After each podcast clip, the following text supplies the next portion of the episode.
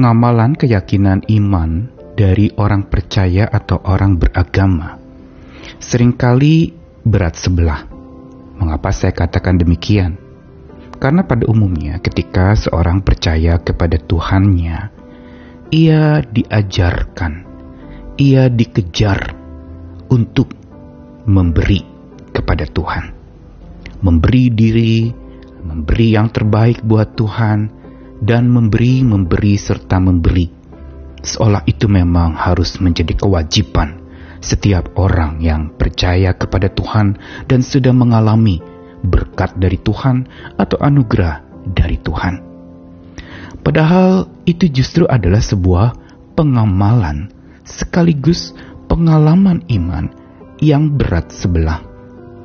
Karena sesungguhnya ketika Tuhan menaruhkan iman percaya kita kepada Tuhan, Tuhan ingin bukan semata kita memberi, memberi dan memberi, tetapi juga menerima menerima dan menerima. Termasuk dalam hal ini adalah memberi diri harus dibarengi dan diimbangi dengan menerima diri. Namun jarang iman percaya itu diamalkan di dalam kita menerima diri sendiri. Yang ada adalah hanya untuk memberi diri, memberi diri melayani, memberi diri untuk melakukan yang terbaik, memberi diri untuk terjun dalam pekerjaan Tuhan, dan memberi diri terus-menerus. Namun, kita mau belajar hari ini bukan untuk semata memberi diri, karena pemberian diri yang tanpa diawali dengan penerimaan diri itu adalah sesuatu yang pincang dan timpang, bahkan sumbang, tidak lengkap iman kita teramalkan dan teralami karena hanya melulu memberi. Dan bila kita hanya memberi sebagai sebuah kewajiban, itu akan menuai kepongahan yang bahkan menyudahi iman percaya kita. Karena seolah kitalah yang punya sumbangsi, kita punya jasa untuk menunjukkan saya orang yang pandai memberi diri. Mari kita belajar justru hari ini terima diri dengan iman. Saya Nikolas Kurniawan kembali menemani di dalam Sabda Tuhan. Hari ini dari ayat yang sudah sering kita baca atau renungkan Roma 12 ayat yang pertama dan yang ketiga. Karena itu saudara-saudara demi kemurahan Allah aku menasihatkan kamu supaya kamu mempersembahkan tubuhmu sebagai persembahan yang hidup, yang kudus dan yang berkenan kepada Allah. Itu adalah ibadahmu yang sejati.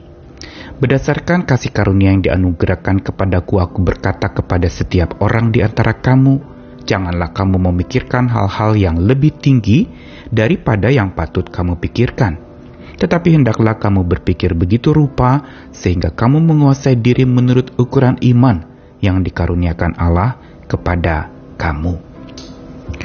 Roma 12 ayat pertama adalah ayat yang sudah sering kita dengar merupakan undangan dari Rasul Paulus kepada jemaat di Roma setelah pemaparan pasal 1 sampai 11 tentang bagaimana Allah bermurah hati, penuh kasih karunia, menyelamatkan orang berdosa. Maka di dalam ayat yang pertama Roma 12 ini ada sebuah himbauan nasihat untuk supaya setiap orang percaya mempersembahkan tubuh sebagai persembahan yang hidup. Dengan kata lain, ada undangan untuk memberi diri kepada Tuhan, memberi secara benar, kudus dan berkenan, dan itu adalah sebuah ibadah yang sejati.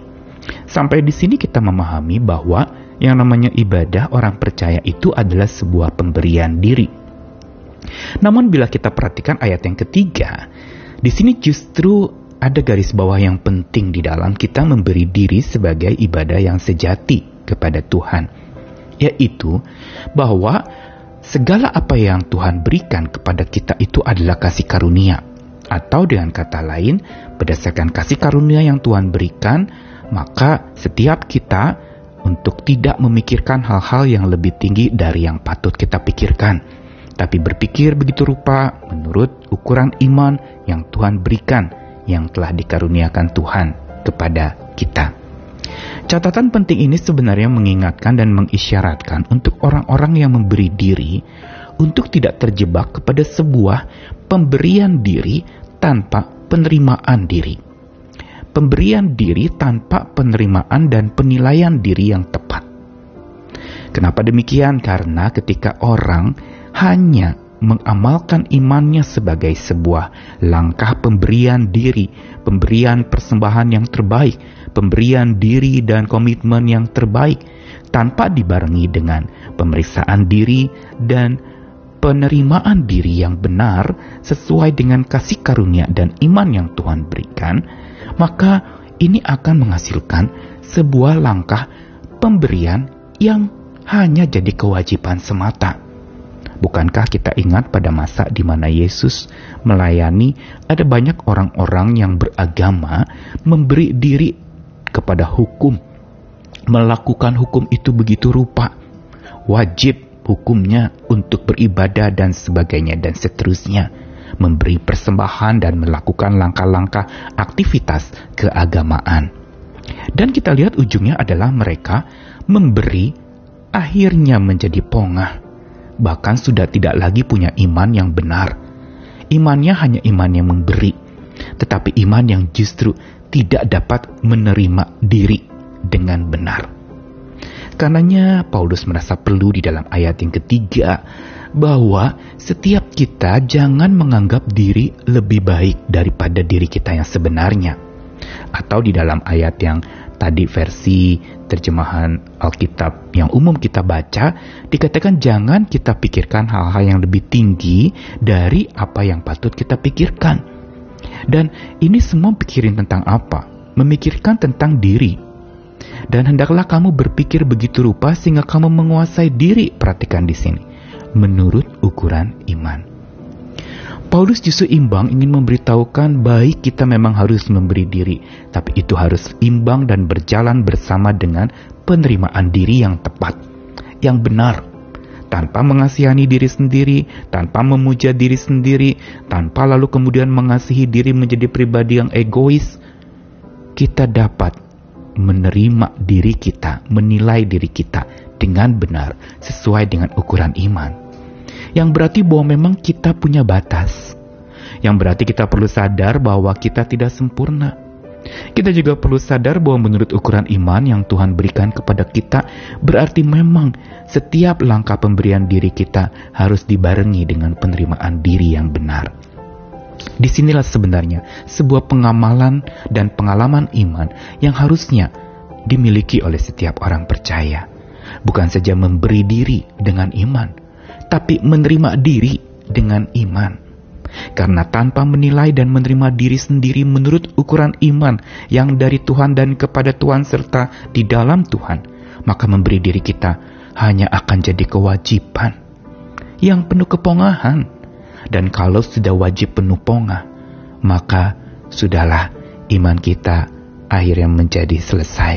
Tidak lagi perlu percaya, tidak lagi perlu yakin kepada Tuhan, seolah-olah pemberian kita itu dapat menyogok Tuhan. Bahkan akhirnya melukai hati Tuhan karena kita memberi sebagai satu langkah unjuk diri, bukan untuk kemuliaan nama Tuhan. Pemberian diri kita justru menjadi sebuah kepongahan diri, bukan justru rendah hati dan menyadari segala apa yang kita berikan dan segala apa yang kita terima. Semua itu sebenarnya berasal dari Tuhan semata. Karena itu mari kita belajar mengamalkan iman supaya tidak berat sebelah, yaitu memberi diri dengan iman dan menerima diri pula dengan iman. Hari ini mungkin ada bagian dari dirimu yang belum dapat engkau terima. Mungkin ada kelemahan, mungkin ada duka cita, Mungkin juga ada peristiwa-peristiwa yang membuat hatimu menjadi hancur-hancuran. Mari kita berproses belajar lagi, terima diri dengan iman. Karena Tuhan tidak pernah meninggalkan kita dan Tuhan tidak mau kita menerima diri dengan kepongahan, tapi menerima diri dengan keyakinan. Tuhan selalu bersama dengan kita. Mari kita berjuang lagi, mari kita belajar menerima diri dengan iman agar melangkah dengan iman menuju kepada kemuliaan nama Tuhan. Amin.